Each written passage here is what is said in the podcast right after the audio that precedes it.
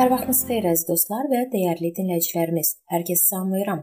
Mənim adım Sona və sizi Allahla 5 dəqiqəlik podkastımızda xoş gördüm. Bu gün mən sizinlə yırtıcı canavarlar haqqında danışmaq istəyirəm. Bəşər tarixi göstərir ki, canavarlar bir çox hallarda qoyun və başqa heyvanları məhv edərək maldarlara böyük ziyan vurublar. Bəzi insanlar bütün baş verənlərdə yalnız canavarları günahkar hesab edirlər. Bununla belə Peyğəmbərlər dövründə də insanlar canavarları mal, heyvan üçün təhlükə hesab sayırdılar. Xalq arasında yayılmış quzu dərisinə bürünmüş qurd kimi deyimlər bir çox adamların canavarlara olan mənfi münasibətini əks etdirir. Düşünürəm ki, bu ifadənin İsa Məsihin Dausdu vəzindən götürüldüyünə diqqət etdiniz. Fələstində rast gəlinən canavarlar kifayət qədər iri, tükləri açıq rəngdə olan heyvanlardır. Gündüzlər adətən yuvalarında və ya digər kölgə düşən yerlərdə gizlənirlər. Gecələr isə ova çıxırlar. Gün ərzində dincələn canavar qaş qaralandan sonra təhlükəli yırtıcıya çevrilir. Yeremiya, Habakuk və Sifaniya peyğəmbər canavarların gecələr gətirdikləri dəhşətlərdən, hücumlardan danışıblar. Kəlamda bir çox hallarda canavarlar, elə oradaca qoyun sürüsü və ya başqa heyvanlar xatırlanır. Peyğəmbərlər dövrünün digər tarixi mənbələri də canavarların, qoyun və keçilərin qənimi kimi təqdim edir. Bunun səbəbi həm də İsrailin ərazisinin daş qayalı, əkin üçün yararsız olmasındandır. Bu yerlərdən əsasən örüş üçün istifadə edilirdi. Bir çox hallarda bu qayalar həm də canavarların yaşadığı sığınacaq idi. Qoyunlar üçün təhlükə saçsalar da çobanı görən kimi uzaqlaşırdılar.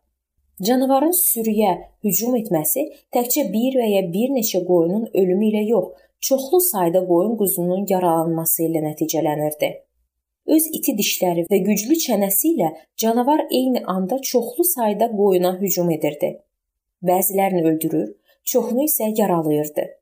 Bundan başqa, sürü qorxudan pərəm-pərəm düşəndə qoyunlarının çoxu ciddi xəsarət alır, yıxıb ətraflarını sındırırdılar. Bəzən sürü dağılır, bu zaman qoyunlar itirdi. Əhd ətiqdə peyğəmbərlər bir çox hallarda dinsiz və xudbin hökmdarları canavar adlandırırdılar.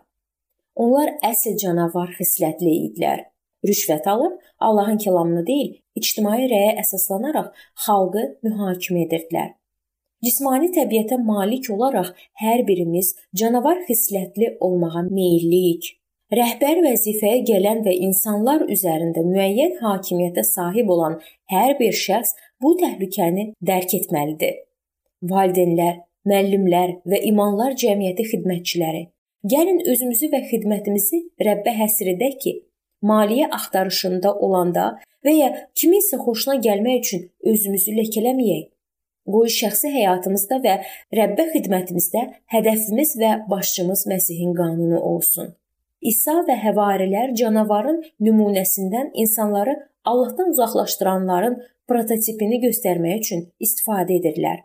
Quzu dərisinə bürünmüş canavar ifadəsi o deməkdir ki, şər xislətli insanlar öz naqisliklərinin üzərini zahirən yaxşı görünən işlərlə örtməyə çalışırlar.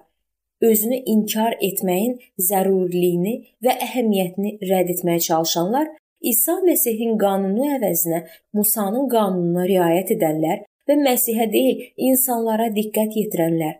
Bütün bu insanlar canavarlar idilər. Bu gün dırnaqarası düzgün geyinən, danışan, özünü düzgün aparan, lakin öz nüfuzu ilə insanları Allah kəlamından uzaqlaşdıran hər kəs quzu dərisində canavar kateqoriyasına aid edilir. Dırnaqarası ruhani yırtıcılar tərəfindən gələn bu təhlükələrə necə reaksiya verək? Başçıya mümkün olan qədər yaxın olmaqla. Çoban yaxınlaşanda canavar qoyundan uzaqlaşır. Kəlamı oxuyun.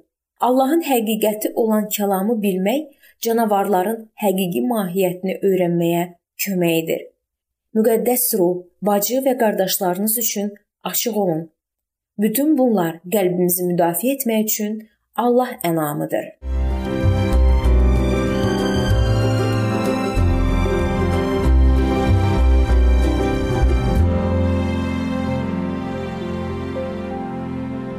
Beləliklə əziz dostlar, bu vacib mövzu burada sona çatdı.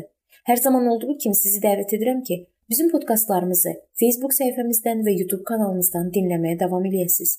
İndi isə mən sizinlə sağollaşıram və növbəti görüşlərdə görmək ümidi ilə sağ olun, salamat qalın.